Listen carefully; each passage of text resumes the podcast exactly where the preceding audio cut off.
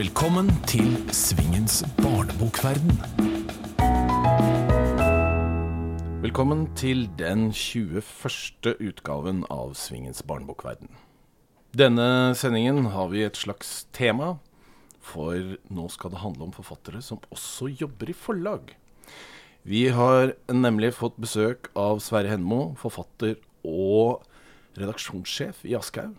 Og vi har besøk av Steffen Sørum, som er forfatter og redaktør i Cappelen Vi skal begynne med deg, Sverre. Velkommen. Takk. Vi starter med bøkene dine. Bra. Du debuterte altså i 1999. Mm. Samme året som jeg debuterte. Du debuterte altså med 'Sammen er vi én og én'. Mm. Hva fikk deg til å begynne å skrive bøker?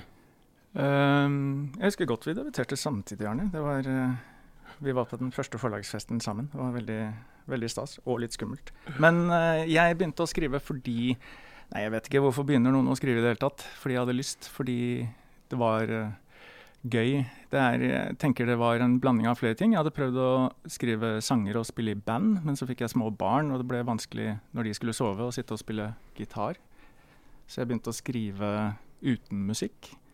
Så syntes jeg det var gøy. En liten del av det også at eh, nerden i meg syntes det var veldig gøy da vi fikk vår første datamaskin. Så jeg syntes alt så ut som bok. Så det var veldig gøy å fylle sidene. Og så eh, Nei, så skrev jeg scener, og så ble det lenger og lenger. Og så gikk jeg på Blindern, og alle hadde en halvskrevet roman i skrivebordsskuffen. Så tenkte jeg det vil jeg ikke, men jeg syntes det var gøy å skrive, for jeg skrev utrolig kjedelig hovedfagsoppgave. Hvor jeg bare analyserte biblioteksutlån.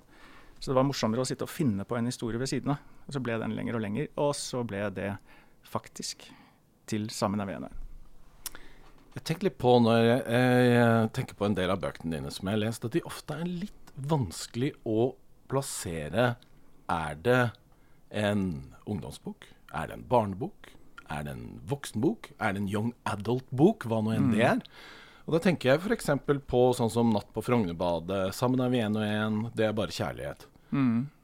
Tenker du noe på det? Plasseringen av disse bøkene det, når de da skal uh, ut? Uh, ja, jeg gjør jo det. Uh, det vil si, ikke, ikke alltid, men ofte. 'Sammen er vi én og én' sendte jeg inn som voksenbok til forlagene. Det tror jeg de, eller veldig mange gjør. Det ser jeg jo nå også som jeg jobber i forlag.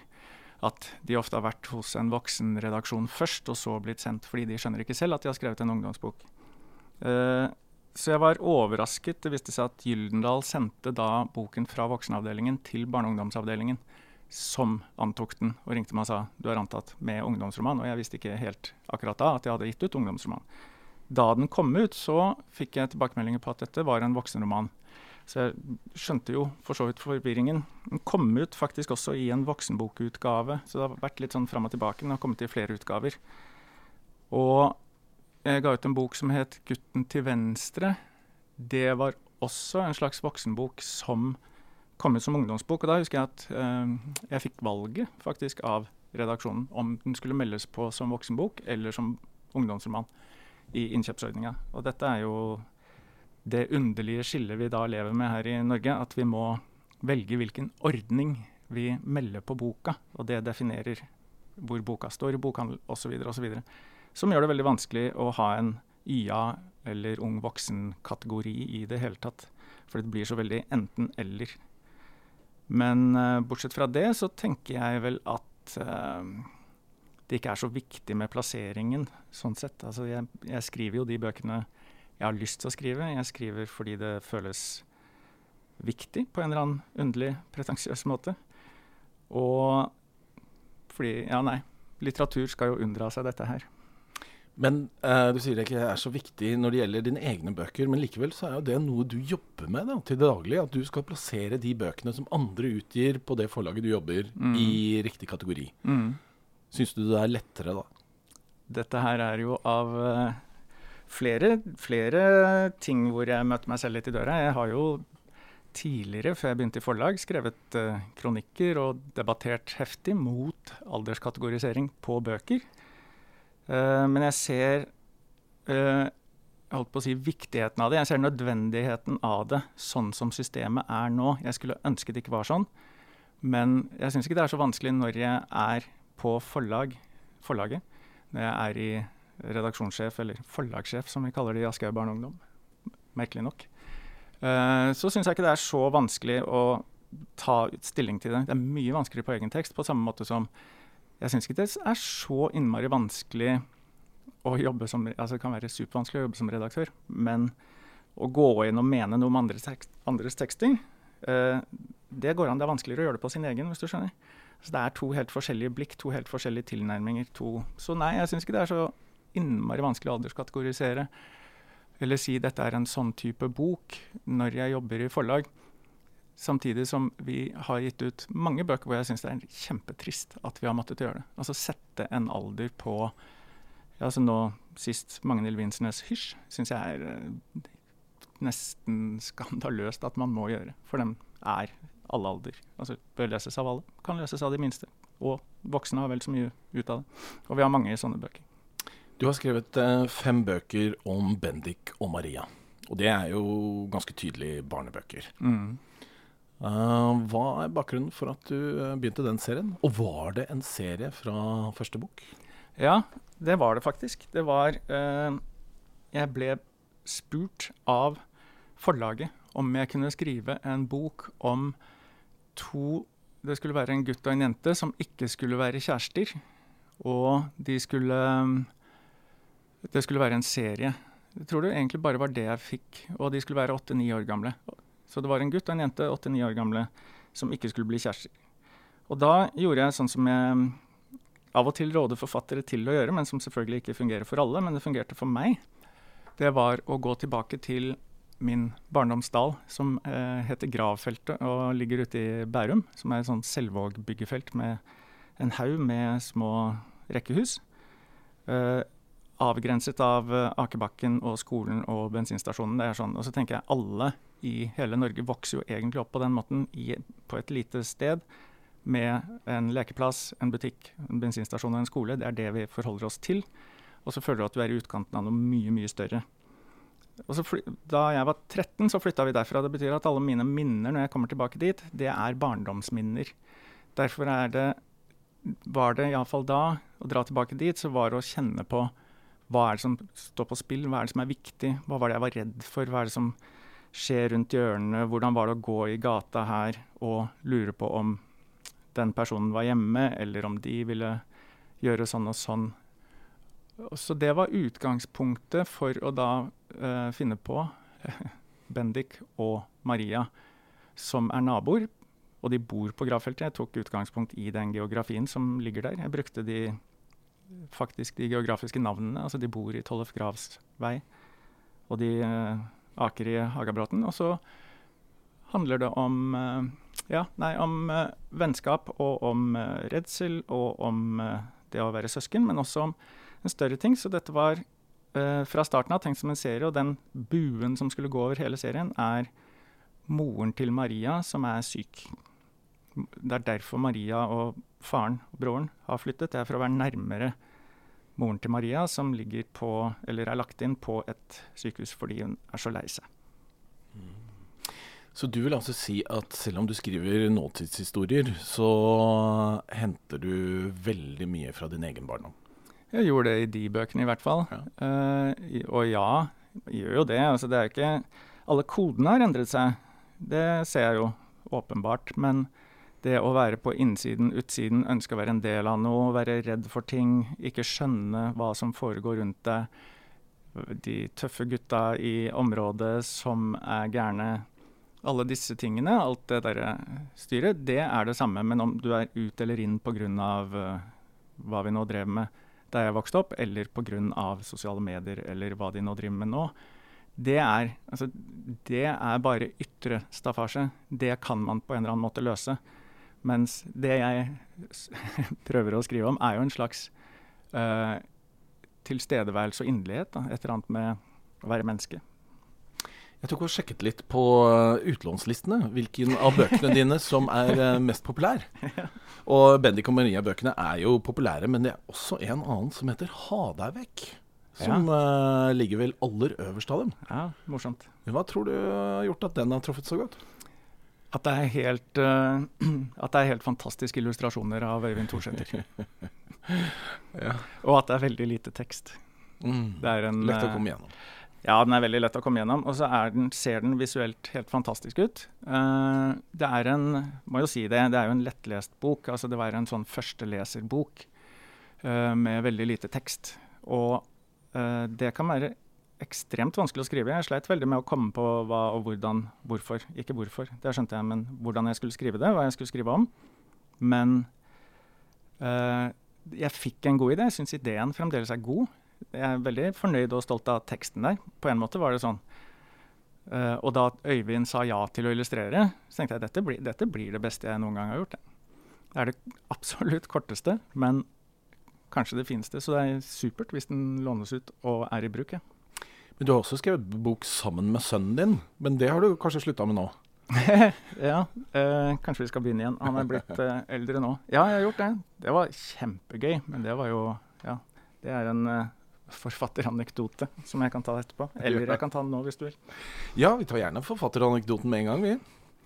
Ja, det var egentlig ikke den jeg hadde tenkt å ta. Men jeg Nei, vi tar gjerne to òg, vi. Ja, tar vi to, ja. Mm. Nei, akkurat det var det var morsomt fordi uh, Og nå blir det veldig sånn åpen forfatterprat her. Men uh, saken var at jeg hadde Jeg skrev en bok som het 'Dødseren'. Da var vi i Italia og leide hus i Italia. Og sønnen min var da fem år og syntes det var veldig kjedelig at jeg satt og skrev bok. Han ville heller være ute og leke og spille fotball og den slags. Og så sa han at å skrive bok kan jo alle gjøre, det er ikke noe vanskelig. Da jo, men da skriver du en bok, og så skriver jeg en bok. Ja, det vil han gjøre. Og så sa han en halvtime senere at problemet men jeg kan jo ikke skrive. Og det var en utfordring, selvfølgelig, så da skrev jeg ned hans historie. Som var om den gode ridder Kaspar, den vaktsomme falk, en ridderhistorie. Fantastisk historie. Jeg var veldig imponert, den var veldig fin. Så gikk det et par år. Og så fikk jeg et manus refusert på forlaget. Den kom senere ut på et annet forlag, og sånn er det jo av og til. Men uh, forlaget sa nei, og så tenkte jeg fader, dette er feil. Og så er jeg så dårlig. Dette var jævlig irriterende. Og så fant jeg den uh, gamle historien da som Jonas hadde laget. Uh, så gjennom den, gjorde om til presens og rettet et par småting. Men det var i all hovedsak hans historie fremdeles. Og så sendte jeg den inn under pseudonym til forlaget for å se om det var meg de ikke ville ha, eller hvordan det nå var. Jeg vet ikke. Det var mye såret stolthet i det. Um, og så fikk jeg tilbake at dette syntes de var fantastisk. Dette vil de ha. Dette vil de lage serie av.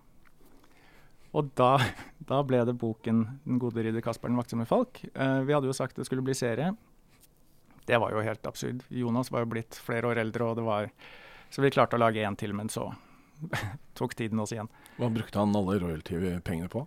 Uh, jeg hadde en annen bok på innkjøpsordninga, så det ble uh, ikke sånn sjukt mye penger. Men uh, vi kjøpte trampoline og GameCube.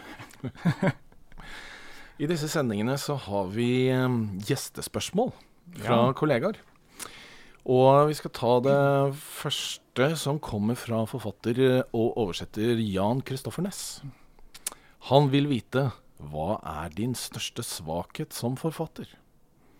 Å, min største, min første svakhet er noe annet. Min største svakhet som forfatter er øh, Det er nok at jeg syns plott kan være kjedelig.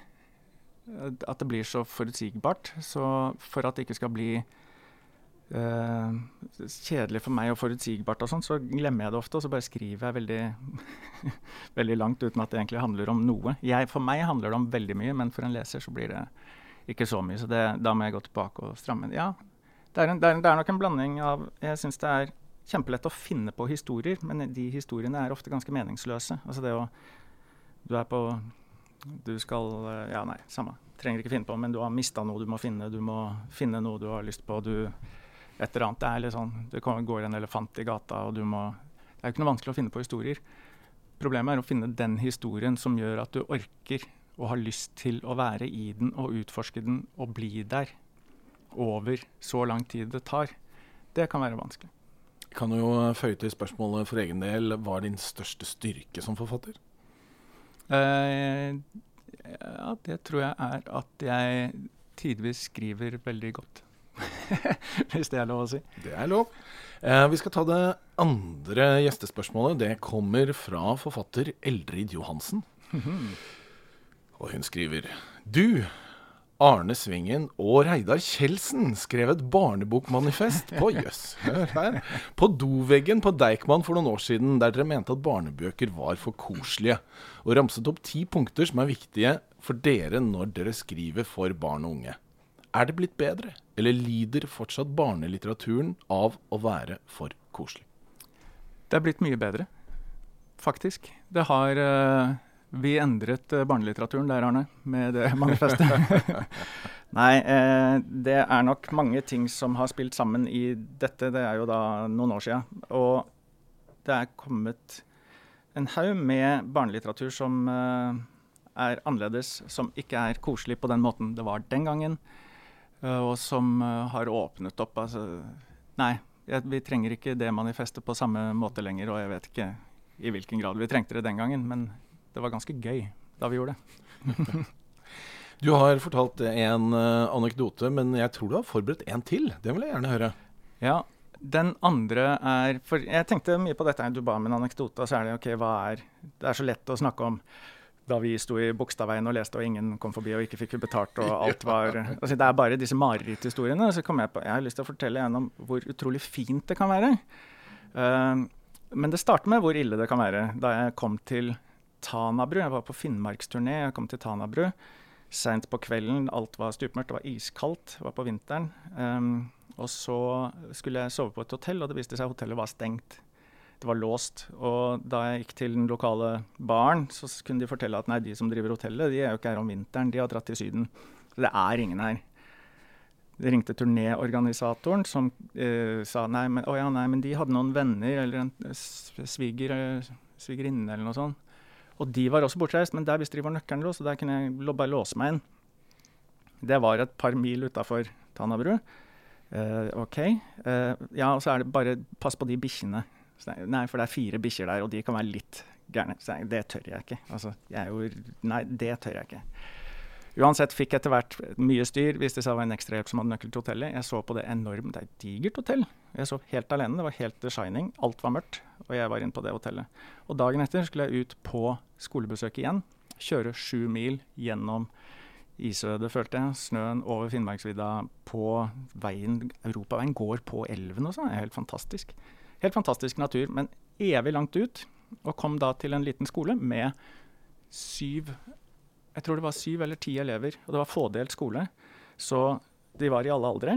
Og jeg var veldig I alle dager. Det, det, altså, det var så fremmed, alt var så rart. Og så sitter de der klare, og så sier jeg åh, nå har vi gleda oss så innmari. For nå har vi lest 'Opp som en løve', som altså er en bok jeg har skrevet. Men vi har spart det siste kapitlet til du kom. Og så er det et av de best forberedte forfatterbesøkene jeg har vært på. De var supernysgjerrige.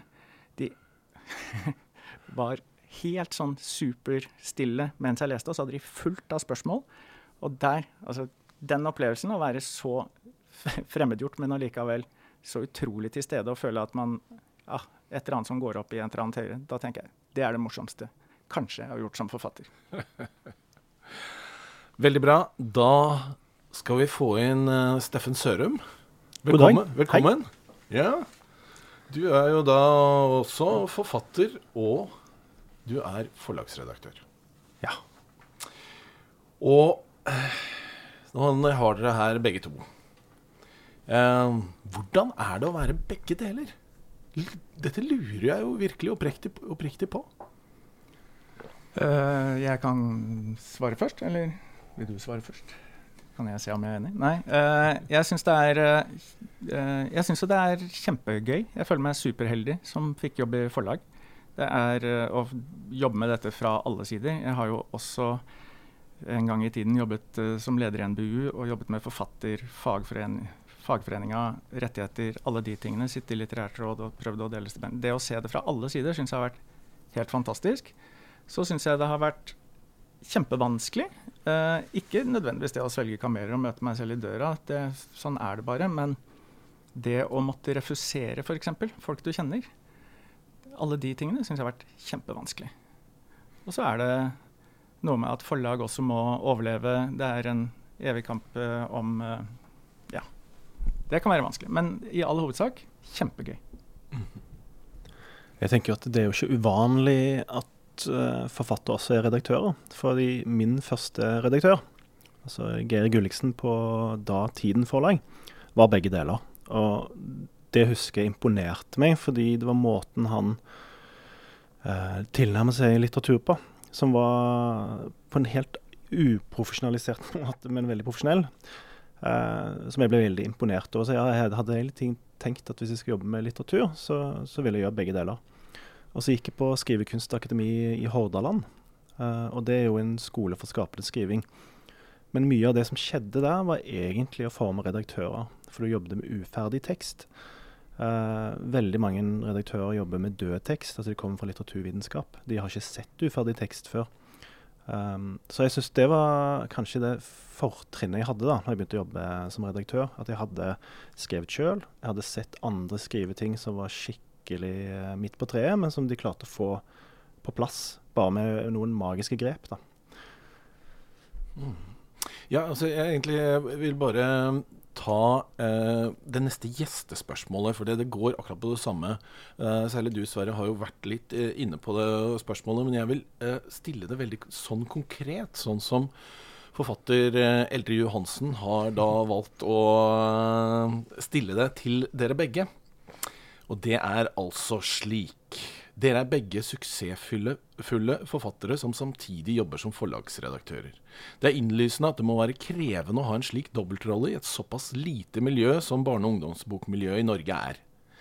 Men noe ved det er kanskje bra. Hva er det beste og det verste med å sitte på begge sider av bordet? Um, jeg tenker at uh, det Steffen sier, er, er nok uh, det beste. Altså det at du kjenner til Skapelsesprosessen er kanskje et uh, svulstig ord, men det at hvordan en tekst blir til, altså det å skape det beste Det å også vite hvor frustrerende det er som forfatter, hvor uh, lukket forlagene kan virke, alle de tingene er jo en kjempefordel å kjenne fra utsiden. Det å skulle være med forfatteren og dra i gang en tekst osv., tror jeg man har en fordel av hvis man selv har vært i den prosessen mange ganger. Uh, jeg er også opptatt av at man har tydelig klare beskjeder til forfatteren, at man har like forventninger. altså Bare på tid, på dato, hvor lang tid tar det? Hva gjør vi når vi Hva betyr satsing? Hva betyr sånne Alle de tingene. Kjempefordel.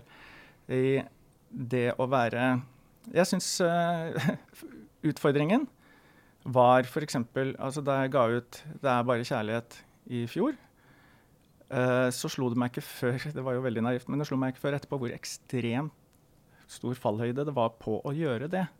Altså det å sitte og mene noe om andres tekst hver eneste dag. Det å si 'dette satser vi', eller 'her må du jobbe et år til før vi kan', osv. Men å så deretter gå og si 'nei, og dette dette syns jeg er fint, dette har jeg skrevet selv, så dette syns jeg Dette står jeg for'. Altså nå må jeg understreke, jeg er jo ikke ute på Aschehoug, hvor jeg jobber. Dere utgir på andre forlag, og, det, og det er bevisst, ikke sant? Ja, ja, altså noe annet er jo helt uaktuelt. Mm. Men det, det, er jo kjempeskummelt. Og derfor syns jeg også det er vanskelig å skulle fronte sånn innmari. Gå ut veldig med sånn Se på meg, se på boka mi, se på dette. Syns jeg er kjempevanskelig. Så det gjør jeg ikke. Dessuten så er det jo da Nei, masse andre utfordringer, selvfølgelig, men jeg skal la Steffen få snakke om noen av det. Nei, altså, noen ganger må man velge. Uh, jeg har hatt stipend. Uh, og da har man jo lyst til å skrive selv. Men jeg er altfor glad i jobben min som redaktør. Og jeg tror nok det har litt med at jeg er utålmodig. Jeg liker å, å produsere. Det er veldig stas Det er stas etter 15 år å, å få nye bøker på, på eh, kontoret. da, På skrivebordet når jeg kommer på jobb, så ligger en ny bok, og så tar jeg et bilde og sender jeg til forfatteren. Uh, den delen av prosessen er den positive når boken er i havn. Så jeg hele tiden tatt meg sjøl i å sitte og jobbe når jeg egentlig er på stipend. Så Jon Erik, som var min sjef, ringte meg en gang. Han skulle beklage for Sture. Du, jeg vet du sitter og har skrivepermisjon, men uh, du, må ikke, du, må ikke, svare på mail på kvelden. og Du må ikke gjøre, du må liksom Stopp. Du, du, må faktisk gjøre det du er tenkt å gjøre nå. Så det er jo et problem at du, du klarer ikke å velge. Um, og det er også en frustrasjon, for noen ganger så skjønner man jo at tiden går. og At man burde ha skrevet sjøl også, når man faktisk har satt av tid til det. Uh, andre ting som eh, kanskje kan både være positivt og negativt, er jo at jeg føler jo at det står tettere til forfatterne enn styre og stell i forskjellige forlag. Altså, for meg så er gode bøker det viktigste. Liksom. Og at forfatternes kår kommer hakket mer liksom foran alt. Uh, og sånn som Sverre sier, det med å refusere det, Jeg har opplevd samtaler mellom redaktører utenfor huset, altså i sånn redaksjonelle lag, da, som snakker ganske respektløst egentlig om den skapelsesprosessen. Altså, De tenker fabrikk. At nå har de levert, men vi skal ikke ha det. At, at det, det, er ganske mye følelser knyttet til å være forfatter. Du sitter mye alene, du, du får ikke betalt. Du, du, vet ikke om du blir antatt. Det er ganske mye Det er en krevende rolle å være i, da. Og det tror jeg redaktører burde kjent litt på. da. Ja, for Du snakker om den litt krevende rollen å være i. og jeg lurer på Når det gjelder dere to, har tryggheten også noe å si. Altså, Det er vanskelig å overleve som forfatter, og du får ikke betalt før boka di er eventuelt antatt, og det vet du ikke om den blir. Men dere har jo på en måte tryggheten ved at dere faktisk har fast lønn, da, og kan drive med dette ved siden av. Har det noe å si for dere? At dere da har den tryggheten i bånn? Er det viktig? Altså, jeg ble jo pappa veldig tidlig, uh, når jeg var 21-22. Uh, og uh, måtte ha en fast inntekt. Og det har nok hatt noe å si på det valget å hele tiden tenke familie. da. Så nå har jeg vært småbarnspappa i 20 år, så det, det ligger nok Den usikkerheten i å være heltidsforfatter, den kunne ikke jeg ta da. Um, så det er den største delen av det.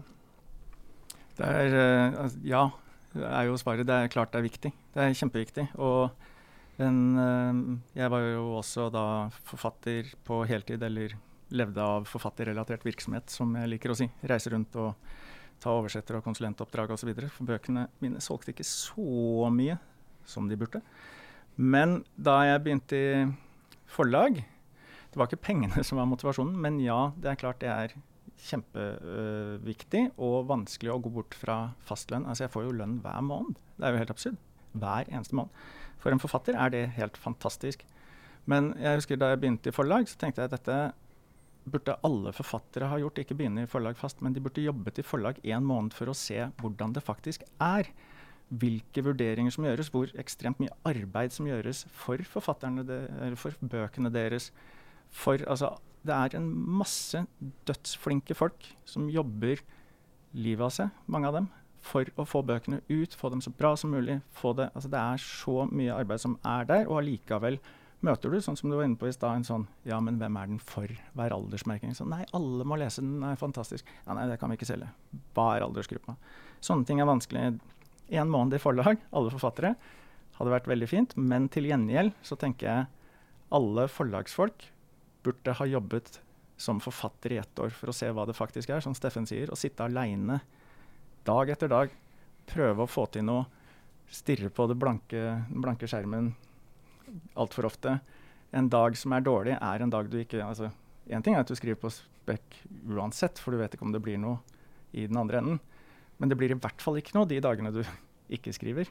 Altså, den usikkerheten er jo viktig å huske på når man da sitter på den andre siden og faktisk er på lønn. Men er det noe i myten om at alle redaktører egentlig vil være forfattere? Dere er det jo, men veldig mange er det ikke. Vet ikke. Eh, altså vil ikke alle i verden være forfattere? Så mange av de beste redaktørene jeg møter, er jo begge deler. Uh, men så har du også veldig mange gode som ikke har noen egne ambisjoner med å skrive. Um, som er 100 eller redaktører.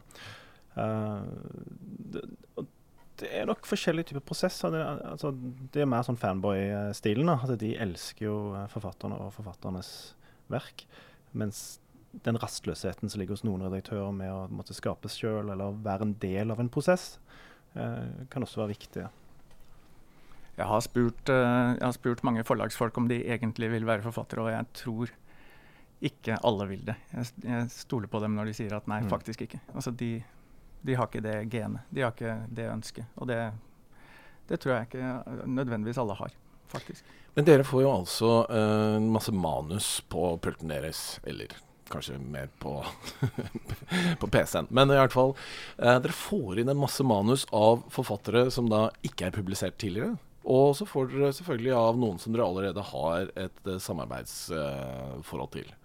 Uh, nå vet jeg ikke hvor mye du er med i den silingen, i og med at du har en mer administrativ jobb, Sverre. Men uh, du er jo i hvert fall uh, tradisjonell redaktør, Steffen.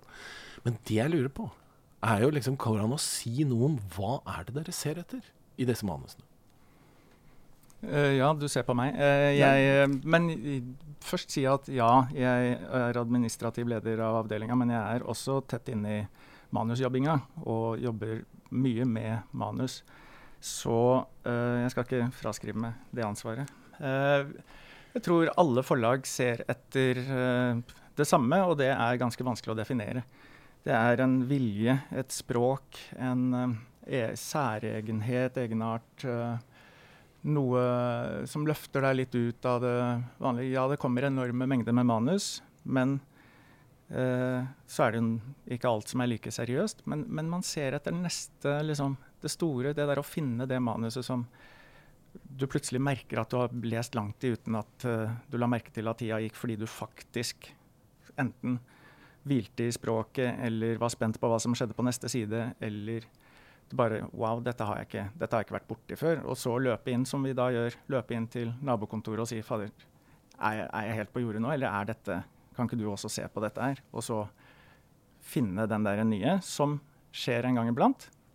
Helt fantastisk. Jeg leser jo bunken uh, som kom inn, og der er det jo uh, noe som kan bli bøker. Så det er dessverre en hel del som alle kan utgis. Fordi, ofte fordi de som sender inn, leser lite. Altså De er ikke bevandra i hva barne- og ungdomslitteratur er i dag. Og det er alltid veldig trist å sitte og bla gjennom det, for det ligger utrolig mye jobb bak, men det kan ikke utgis. Uh, jeg syns personlig det er mye gøyere å være med og finne på hva man kan skrive bøker om, da, eller være med i den prosessen. Uh, for da har man i det utgangspunktet. Og noen ganger så krasjer det fullstendig, at man ikke kommer i mål. Men andre ganger så er man med og skaper noe nytt.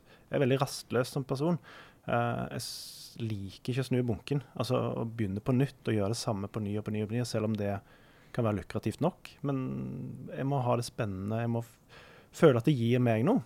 Uh, og at jeg får finne noe nytt som er personlig interessant. Uh, og da må jeg ofte ut av Cappelen Dam-huset, altså. Men man hører jo uh, noen rykter iblant, og her skal vi ikke nevne navn, hvor det er en bok som da blir utgitt på ett forlag, og så hører man at et annet forlag sa at nei, den vil jo ikke vi ha. Så det er jo forskjellige vurderinger rundt dette som skjer i de forskjellige forlagshusene. Og det skjer jo hele tiden. Uh, heldigvis, fordi uh, hadde, de, hadde, alle vært enige hele tiden, så hadde du ikke fått det mangfoldet eller den spenningen man har. Uh, men igjen så handler det ofte om at noen redaktører ser et potensial, eller at man ser hva dette kan bli. Og noen ser på hva de faktisk har fått. Um, og det er jo også helt greit, men hvis man ser hva det kan bli, og man deler det synet med forfatteren, så er det jo meant to be. Altså da er vi i gang. Uh, men ofte så Det er møtt som forfatter også, at du, du, leverer et manus, og så skjønner ikke den redaktøren du gir det til, skjønner ikke hva dette skal bli. Veldig usikker på Og da har ikke jeg levert noe godt nok manus, men da skjønner jeg også at vi er i utakt. Og da bør man kanskje tenke, jobbe med noen andre på akkurat det prosjektet, eller kanskje gjøre noe annet. Mm, nei, det er jeg helt enig i. Det det er jo ikke fasit på det vi driver med. Du, øh, vi leser ting forskjellig. Vi liker forskjellige ting. Det er øh, helt riktig som Steffen sier. Du kan bli refusert et sted og komme til et annet sted. Det tror jeg de fleste, iallfall mange jeg kjenner, har vært med på. Uh, men drømmen er jo at du får en redaktør som leser deg sånn som du ønsker å bli lest. Med den velviljen, men også med den motstanden du trenger. Som ser potensialet et på et tidlig stadium som kan være med å løfte den teksten til noe svært, men som også klarer å si nei den gangen det er sånn at her lever du Altså, her skriver du ikke opp til ditt eget nivå. Og hvis du finner den redaktøren, hvis du får den leseren i et forlag, så er det jo det man snakker om. Man er jo redaktørlojal, man er ikke nødvendigvis forlagslojal. Hvis en redaktør bytter forlag, så plutselig så blir noen forfattere med, fordi den relasjonen er så sårbar og så bra når den først Altså Hvis den først sitter, så er den jo gull verdt. Mye mer verdt enn alt andre. Men så er det ikke alltid det er sånn, og da kan man ha ulike redaktører på ulike bøker. Man kan ha ulike, til og med som noen har, ulike forlag for ulike typer bøker. Altså skriver småbarnsbøker der, sakprosabøker der, osv. Men ideelt sett så har du den redaktøren. Og det er veldig mange manus som kan bli bok. Problemet er bare at det er for mange bøker som gis ut. Og, og der må redaktøren og forlagene gjøre noen valg. Uh, hvilken retning skal dette forlaget gå i? Hva, hva, er det vi står for? Hvilken type litteratur skal vi gi ut? Og Da takker man nei til manus som selvfølgelig kan gis ut andre steder. Uh, men det er ikke nødvendigvis at det blir en dundrende suksess. Men det skjer jo også, og det er jo morsomt. Det er jo kjempegøy når noen har takket nei, og det blir en stor suksess et annet sted, og vice versa. Uh, og det tror jeg er sunt, for det gjør at man lærer noe av hva, hvorfor takket vi nei til dette. Um, Men syns du det er gøy hvis du selv opplever det? At du takket nei, og så ser du at denne boka går kjempebra på det andre forlaget.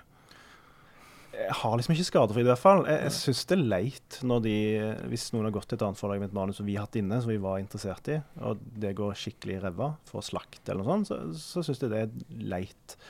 Det gjør jeg. Uh, så jeg har ikke den skadefriden. Men jeg vet at forlaget Vi takket jo nei til noe som så å si var ferdig. Det var en annen redaktør som var sykemeldt. Det ble liggende. Det kom på et annet forlag, som var en svær suksess. Mm -hmm. um, hvis du er sliten, og det er mørkt, og det er desember, så er ikke det noe gøy.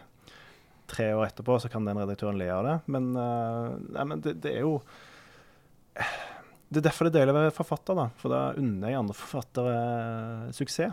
Uh, og få til ting. Og, og, kan liksom fjerne litt fra redaktørrollen. Vi kan bytte hatter, da. Og det tror jeg også er sunt. Men Steffen, du nevnte én ting nå som jeg hadde tenkt å spørre om. Og dere da som er uh, veldig delaktige i å utgi bøker, kommer det rett og slett for mange bøker ut i Norge i dag? Ja, um, det kommer ut for mye bøker hvis man ser på salgstall og hvor mye som måtte finnes der ute. Um, det er en konkurranse. sant? Så det er jo Noen bøker får oppmerksomhet, andre ikke. Så vi er fem millioner innbyggere. Med tanke på hvor høyt antall bøker som gis ut, så er vi gist ut for mye. Det kommer flere bøker i Danmark, som er også fem millioner mennesker. Og det kommer flere bøker i Sverige, som vel er det dobbelte.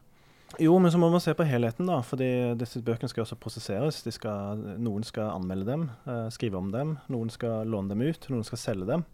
Uh, og når alle disse leddene ikke klarer å, å ta for seg, da, så, så må jo forlagene også innskrenke. Og Kulturrådet, som står for mye av subsidieringen, sier at vi må kutte ned her fordi det er for mye som gis ut. Så det er jo signaler som sier at det er for mye litteratur. Jeg er helt enig i at det er altfor mange bøker som gis ut. Det tror jeg så godt som alle er enige om. Uh, det vi ikke er enige om, er hvilke bøker som er overflødige. Mm. Uh, det har vi nok en mening om, mange av oss også, men det, der blir vi ikke enige. Og så er det, som du var inne på, en utfordring med det er også mangelen på offentlighet. Så slo det meg da du snakket om Danmark og Sverige, at der er jo systemene helt annerledes. Altså det er en, og vi har friprisen, og det er en haug med ting som gjør at det er litt annerledes der. Hvis vi hadde snudd på det, så hadde vi hatt et stort problem hvis det gis ut for lite litteratur. For da ender vi opp med å gi ut for mye dårlig litteratur. Så det skal være en konkurranse, uh, både med å få utgitt bøker og også være ute i markedet. Og det har jo endra seg. Når jeg begynte som redaktør, altså for 15 år siden, så var det jo inne i en gullalder for forfatteren. Du kunne gi ut en middelmådig bok, uh, og du kunne selge 2000-3000, uh, faktisk, uh, uten å gjøre noen som helst for det. Og kunne leve litt på den royaltyen der. Sånn er det ikke lenger. Nå er det knallhardt, altså. Men de norske bøkene har jo da Kulturrådet og innkjøpsordningen.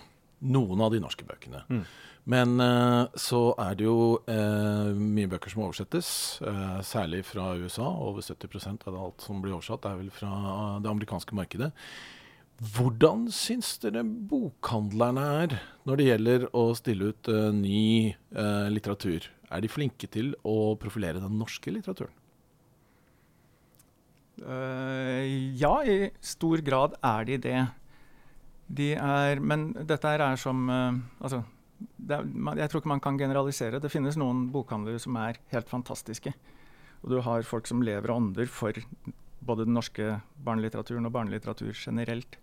Samtidig så finnes det en haug med bokhandlere rundt omkring hvor det er ikke så mange som jobber. Det er vanskelig å få full oversikt over alt som kommer inn.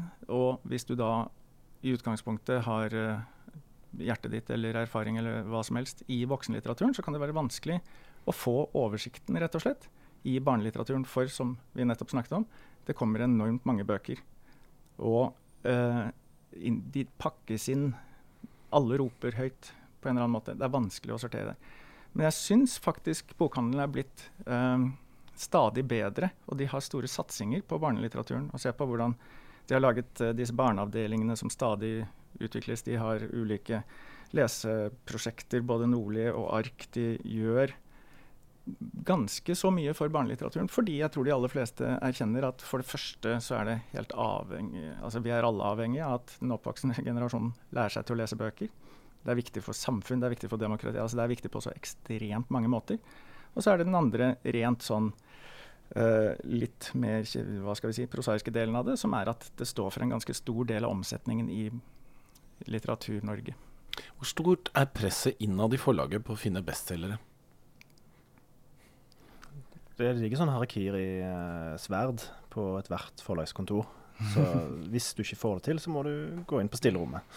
Nei da. Uh, aldri opplevd et sånn press etter at nå må du ha en bestselger, ellers så går alt ad undas her. Men det er jo konkurranse vi skal her som i alle andre steder, så det er jo gøy å få til suksess, selv om man ikke gjør kalkyler og teller driver med økonomi. Så er det jo gøy fordi det skaper en energi, da. Så, og det er ekstra gøy når du føler at det er rettferdig i den forstand at det er god litteratur. Eh, det er forfattere som har slitt, kommet til et nivå der de fortjener det. Det er jo dessverre sånn i forhold til utenlandslitteratur, for det er tryggere å snakke om i de settingene. Uh, for jeg, jeg, tenker at det, det ikke, jeg vil ikke isolere norsk litteratur i forhold til utenlandslitteratur. Jeg syns det er viktig å lese seg opp på um, all form for litteratur, også når du er barn. Men uh, ofte så er det sånn at det er utenlandske bøker som ligger på bestselgerlistene. Og du skal konkurrere da med den norske litteraturen mot ganske svære internasjonale forlag som har masse agentur, de har masse Om det ikke er ghostwriter, så har de i hvert fall et stort team rundt noen av de sine forfattere. Så når en norsk forfatter klarer å danke ut de, så er det jo ekstra gøy, da. Men syns du det er mulig å se hva som blir en bestselger? På manus? Ja, noen ganger så kan man se det ganske klart, eh, både på manus og på illustrasjon, når, når en bok kommuniserer så utrolig godt. Eh, men andre ganger så er det jo forunderlig at akkurat den boken skulle man liksom trekke opp og gi terningkast seks og være på God morgen Norge og på Skavlan. Så det hadde vi ikke tenkt. Det var ikke det som vi så for oss. Så igjen, det er jo det som gjør dette så innmari gøy, da. For hvis det hadde vært veldig enkelt, så hadde vi jo bare gitt ut bestselgerne. Og så hadde du ikke fått det andre. Og det, det andre som jeg syns er spennende, det er liksom pionerarbeidet, protoprosjekter. Altså folk som utforsker nye felt, uh, nye sjangre. Som gjør akkurat det, det egentlig manifestet som dere skrev på den dassveggen. At ut, utfordrer da, det bestående. Det er jo Vi, vi ønsker jo å gi ut uh, bøker. Altså, vi ønsker å gi barn store leseropplevelser. Det er uh, utgangspunktet her. Og uh, for å kunne fortsette å gjøre det, så må det gå rundt. Altså, vi er nødt til å selge bøker for å kunne fortsette å gi ut bøker. Men vi ønsker jo, ideelt sett ønsker vi å gi ut fantastisk gode bøker som selger fantastisk mye.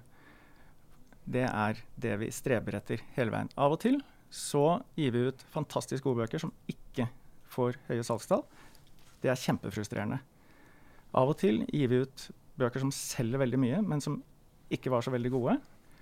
De ble ikke så gode som man håpet jobbet. Det er til å leve med fordi det selger masse, og jeg tror mange finner en glede i å lese dem allikevel. Uh, en sjelden gang iblant så gir forlag ut ikke så veldig gode bøker som ikke heller selger så veldig mye.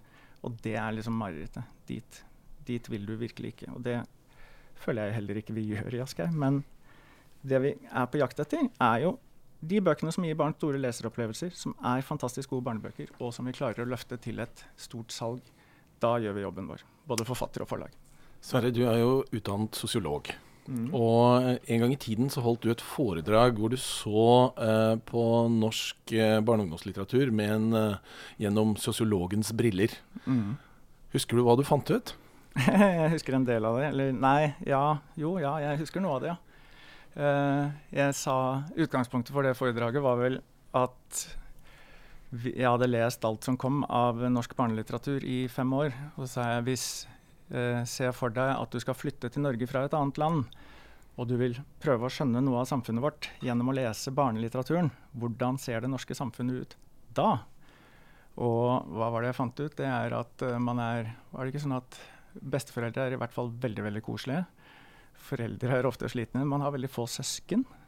Og Nei, jeg husker ikke. Det, det var litt farlig å vokse opp i Norge, mener jeg at det var en av tingene du fant ut. Ja, det er mye skummelt, ja. Mm. Alltid noe skummelt som skjer. jeg husker Ja, nei. Jeg har foredraget liggende et sted, så jeg det er ett tema til som jeg vil uh, så vidt berøre. Og det passer i forhold til uh, gjestespørsmålet, som egentlig er da ment for deg, Steffen. Du kan bli her, for jeg tror kanskje du har noe å si om saken, du og uh, Sverre. Og det kommer jo fra ja, en du kjenner godt, da. Det er jo forfatter Eldrid Johansen. Som du også er ja, gift med. Skal vi se Du har markert deg som eh, en som er bekymret over hvordan det står til med gutters lesing i Norge. Og har kjempet for eh, at litteratur til gutter eh, Det skal komme litteratur til gutter i, i mange år. Er det blitt bedre, syns du? Skriver forfattere og utgir forlagene nok bøker som interesserer gutta? Et veldig godt spørsmål. Uh, nei, altså Dette bekymrer meg, og det bekymrer meg mer nå enn før. For når jeg begynte å jobbe i, i forlagsbransjen i DAM for 15 år siden, i samme tidspunkt som det jeg gjorde dette berømte manifestet, så var det så å si bare kvinner som var redaktører for barne- og ungdomslitteratur. Og det var så å si bare kvinner som jobbet i bibliotekene, og som jobbet i bokhandelen, og som jobbet med å selge til utlandet. Uh, det er vel egentlig den virkeligheten vi lever i i dag, på sett og vis. Det som har endra seg, syns jeg, er at uh, jeg var i London på Bookseller Conference, møtte en agent. Uh, og hun hadde jobba bl.a. med Harry Potter og en del andre store ting. Og hun sa liksom til, til meg, kjære Steffen, du må jo tenke det at hvis Harry Potter hadde kommet i dag, så hadde ikke hovedpersonen het Harry. Hun hadde het Hermine. Fordi gutter leser ikke, og vi er ikke interessert i å selge bøker til gutter, for det er for lite marked. Uh, og det er en sånn frykt jeg har naga på lenge, når jeg ser på noen forlagshus og noen vår- og høstlister som syns mye av det som selges, rettes mot jenter. Uh, også innenfor tradisjonelle ting som, uh, som, på en måte var guttelitteratur før. Som på en måte må ha med jenter. Da. Det må være en balanse. og Grunnen til jeg bekymrer meg, er at det, hvis jeg skal finne Hadde en utfordring, det kan jo til dine lyttere da, på podkasten Vis meg de bøkene som gir gutter god selvtillit. Altså gutter som skal lese i dag. Hvorfor skal alle disse eh, karakterene Hvorfor skal pappaen alltid være den fjomsete? Hvorfor skal det alltid være guttene som taper? Hvorfor er det alltid guttene som er slemme? At det er mye det som går igjen. Og da tror jeg man er med på å gi gutter dårlig selvtillit også. Og det ser man jo uten at det nødvendigvis skal rolses i hop, men uh, i forhold til utdanning uh, på skoler, så ligger jo guttene dårligst an i alle fag, bortsett fra gym en engelsk undersøkelse som gikk på dette, undersøkte jo, De spurte jo når de begynte på skolen, hvem som er flinkest av guttene og jentene. Der svarte jo 70% guttene. Etter fire år på skole så var det snudd helt opp ned. Så det er noe som skjer da, med, med gutta. Uh, og hvis vi mister de som lesere, så vi mister vi de også som akademikere. Vi mister dem som forskere, vi mister dem som meningsbærere. Så gode bøker for gutta er noe jeg kjemper for. Noen synspunkter på saken, eh, Sverre? Uh, ja, jeg er, er, nok litt uenig. Jeg syns det er uh, kommet veldig mange fine bøker uh, for gutter. Jeg syns det er et bredt tilbud, samtidig som du har helt rett i at den svake, eller altså, den usikre gutten, står fremdeles sterkt i norsk barnelitteratur. Markus-skikkelsen, liksom som synes alt er vanskelig. Og faren til Markus, den fjomsete faren. Det er riktig. Men du har jo Herregud, se på William Benton. Løser alle verdens gåter. Det finnes Altså, se på en haug med bøker. Jeg slo meg plutselig at jeg skal ikke begynne å ramse opp, men det er Kom igjen, gi deg en liste. Ja. Lars Joakim Grimstad skriver helt fantastiske bøker for gutter. Herregud. Men jeg har utfordret dere til én ting til, og det er et spørsmål til hverandre. Steffen, har du et spørsmål til uh, Sverre? Jeg hadde så mange, men jeg kan få det til å bli ett spørsmål. Jeg hadde så mange til deg, jeg òg. Uh, nei, at det, Altså, du var jo leder i um, NBU um, og kjempet forfatternes sak 24-7. Um, Mm. Og så ble du plutselig kjøpt opp av uh, liksom, kapitalismen og, og forlagshuset. Og da lurer jeg på hvilken kamel som har på en måte vært vanskeligst å svelge i den overgangen. Uh, ja, det er et godt spørsmål, men eh, jeg har bare kjedelig svar, dessverre. For det har, ikke, det har ikke vært så mange Det er nok det vi snakket om i stad, altså aldersmerking f.eks. Uh, men jeg syns det som var befriende, som jeg heller vil si, det var uh, at Fordi jeg satt jo i forhandlinger. Den normalkontrakten vi har nå, forhandlet jeg fram fra forfattersida, uh, men skriver nå under fra forleggersida. Og i sånne kontraktsforhandlinger så er det jo veldig mye hvor man argumenterer for hvorfor vi må få mer fra begge sider. Og da snakker man jo også om hvor utrolig vanskelig det er for for, som forfatter. Og forlag snakker om sine utfordringer med hvor dyrt det er å trykke bøker osv. Og, og det å komme inn i forlag og plutselig få innsyn i alle disse tingene og se at nei, de, de tulla ikke. Altså det er helt reelt. Ingen av oss løy. Vi har felles utfordring i å få dette til å funke. Det er vanskelig på begge sider. Nå snakker jeg om sånn kontrakt- og fagforeningsaktig. Uh, men det var ikke noe tull med det. Det syns jeg var fint, og det gjør det enklere i den overgangen. Selv om selvfølgelig det er enkelte sånne andre ting som har vært litt mer utfordrende, som det dette med aldersmerking, som jeg har nevnt. Skal vi ta spørsmålet ditt til Steffen? Uh, ja um, jeg, må, jeg, må, også velge blant flere, men jeg tror jeg velger et så enkelt og kjedelig som hva er, hva er den største tabben du har gjort som redaktør? Det er sikkert fortrengt. Uh, men tabbe kan være så mangt. Men kanskje det som på en måte virkelig satte sitt spor, uh, var i 2004. Da fikk jeg den, uh, 2003 da, fikk jeg den ideen om at det er veldig mange som begynner i første klasse, og så har de ikke bokhylle hjemme. Og det vil jeg liksom, som idealist gjøre noe med. da. Se, og dette er jo gullalderen der det går bra med litteratur, virkelig går bra med litteratur i Norge, og det er mye penger. Uh, og jeg får overbevist Tom Harald Jensen i Cappelen Dam og Jon Erik om at vi skal gi ut en leseløve gratis til alle førsteklassene. Det er stas. Uh, og vi inviterer tre forfattere til å skrive tre korte historier. Og det er fine historier, alt er på, på plass. Og så sender vi det ut. Uh, et ganske stort opplag. Og det første som egentlig skjer, da, er at en illsint rektor i Bergen Liland skole um, finner ut at ordet 'drittsekk' er brukt i Arne Berggren sin uh, tekst. Som jeg, verken jeg eller Jon Erik hadde reagert på. Og sånn litterært sett var det helt på sin plass, for det var noen som hadde putta hundebæsj oppi den sekken. Um, og derfor var det en drittsekk. Um, men det som kanskje var tabben, var at det vi liksom lanserte til førsteklassene, var en historie om mobbing. Uh, det fine med det er at de to som mobber hverandre, blir enige om at vi blir kanskje ikke verdens beste venner, men vi må jo måtte oppføre oss bra. Men den største tabben var at vi, hvordan vi lot rektoren bli fremstilt. For det var jo da som den hysteriske personen som ikke skjønner hva som foregår på egen skole. Og når du skal sende det ut til skolen, så har du ikke tenkt på målgruppen din. Det er jo rektorer som kommer til å se en negativ fremstilling av rektor. Og det går, faller ikke i god jord. Det burde vi kanskje sett og gjort noe med. Fint. Da er vi over på temaet Steffen Sørum. Da skal vi si tusen takk til deg, Sverre. Og nå skal vi konsentrere oss om dine bøker, Steffen. Og det som kanskje ikke er så kjent, er at du står bak to store bestselgere. Ja. Det er ikke så mange som har fått med seg. Det er 'Vitseløve 1 og 2'. Yes. Uh, og Sverre nevnte jo at han hadde skrevet bok med sin sønn. Uh, og hele ideen her var faktisk min yngste sønns sitt eh, verk. da. Fordi eh, når han lærte å lese, så var det jo korttekst med et poeng. Altså en, en gevinst på slutten, som var det som var moro, og det var vitser. Men ofte var disse vitsene ganske krøkkete skrevet. Uh, og veldig mange vitsebøker er, med 300 vitser, så er det jo halvparten av de er jo ikke ment for barn i det hele tatt. Det er liksom pubvitser og blondinvitser og sånt. Så vi begynte å utarbeide og, og lage disse vitsene. Skrive dem om på ny. Uh, og fikk Bendik Kaltenborn til å illustrere. Uh, og jeg tenkte på at det var en redaksjonelt arbeid, for det var jo ikke et åndsverk på samme måten. Så det ble gitt ut på Cappelen Dam. og så vidt jeg vet, fordi jeg får ikke royalty det fikk heller ikke Aksel, som er sønnen min. er du litt bitter nå? Hører jeg en liten sånn undertone? For å si det sånn, det, det begynner nærmest nærme seg en hytte, altså.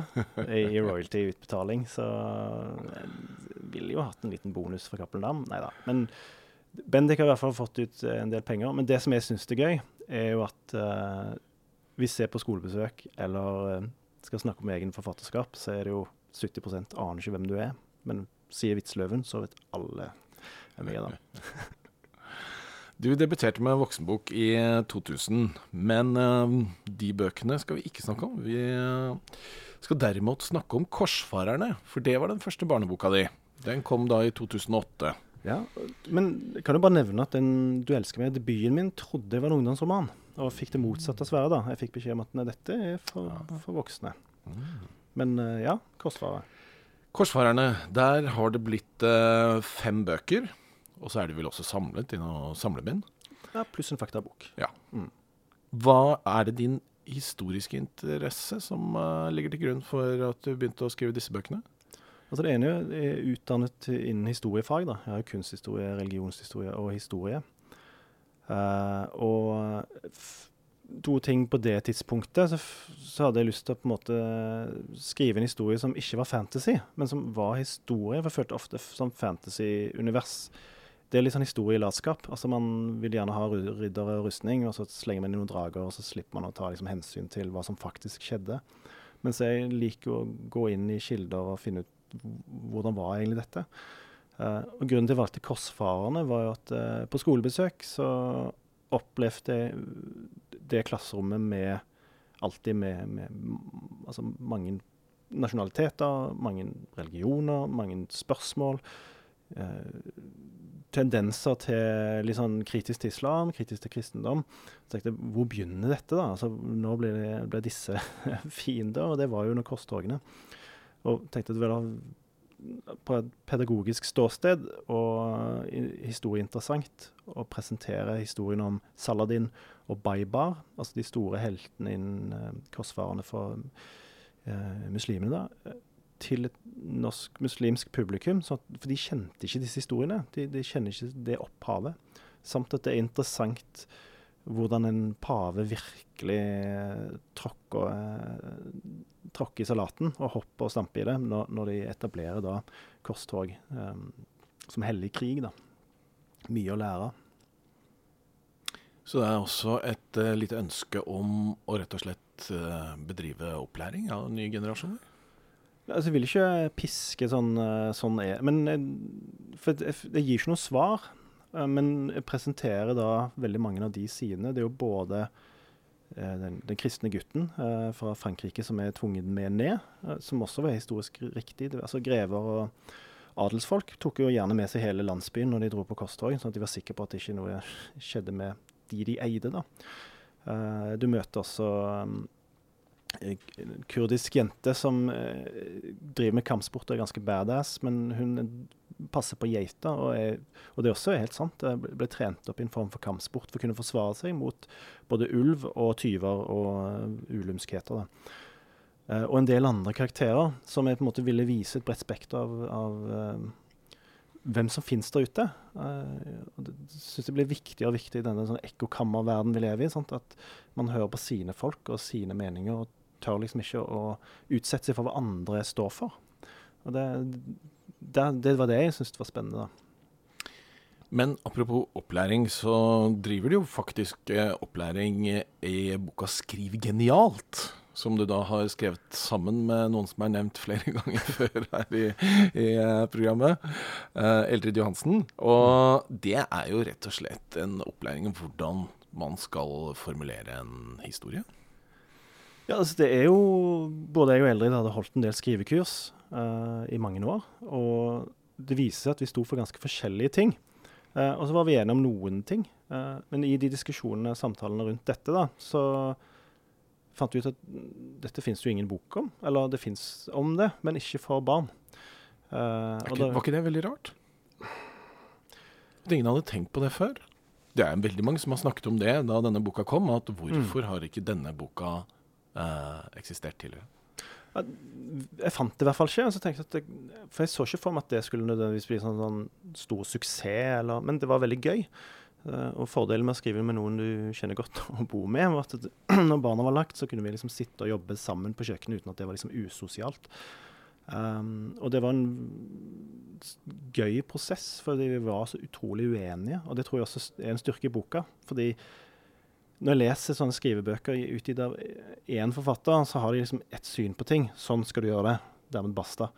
Uh, men sånn vet jo vi som skriver, at sånn er det jo ikke. Det, det er å bryte reglene som ofte gjelder. Og noen ganger så fins det helt andre tilnærmingsmåter. Så det, det, det var det som på en måte ble vår prosess, da. Vi kan nevne at boka også er illustrert av Ingrid Dos Santos. Mm -hmm. Men eh, for å gå litt videre. Du har jo da sikkert fått en del eh, dystopier på pulten din eh, opp igjennom. Men du har også valgt å skrive dystopi eh, selv. Til og med tre av dem. Og det er 'Dødsengler'. Hva mm. Hadde dette noe med de andre bøkene som du har lest, og tenkte at det her kunne jeg gjøre på en annen og mer spennende måte? Nei, eh, det hele begynte med hun som var likestillingsminister på det tidspunktet. Eh, SV-politiker som gikk ut og sa at alle menn burde skamme seg i forhold til en sak som gikk på trafficking. Uh, der jeg skrev tilbake i kronikkform at jeg skulle ikke skamme meg for noe som helst. Jeg hadde ikke gjort bedrevet trafficking, og som mann så har jeg ingenting å skamme meg for. Men det er jo flere som bør skamme seg for dette, og gjerne henne også som er likestillingsminister. Uh, og jeg var litt etter henne fordi hun drev den type retorikk, og hun er jo likestillingsminister. Hun er like mye min minister som en kvinneminister. Uh, men i den uh, debatten der så tenkte jeg at hva skjer hvis du får et samfunn med bare kvinner? Og da ble dødsengler født da, som en idé. Og det er jo et fremtidsdystopi i den forstand at man finner ut da at det statistisk sett, og det er jo litt aktuelt nå, at uh, de som står for kriminaliteten, så er det jo 90 menn. Uh, eh, 80-90 av de som sitter i fengsel, er menn. De som skaper uro i klasserommet, er gutter. Uh, Metoo. Og så kan du liksom bare summere opp alt som er negativt til samfunnet, og krig, og si at alt dette er jo gutter som står for. Så hvis vi fjerner guttene, så har vi et samfunn som er veldig bra. Og sånn teknologisk sett så er vi jo der at vi kan skape liv. Uh, vi kan lage barn uten å nødvendigvis ha mannen til stede eller være en del av det. Så det bare baller på seg i en triologi, da. Liksom kampen mot dette, da. Men hender det at du uh, blir inspirert av det du leser, i og med at du da leser mye? Både ting som blir publisert, og som ikke blir publisert?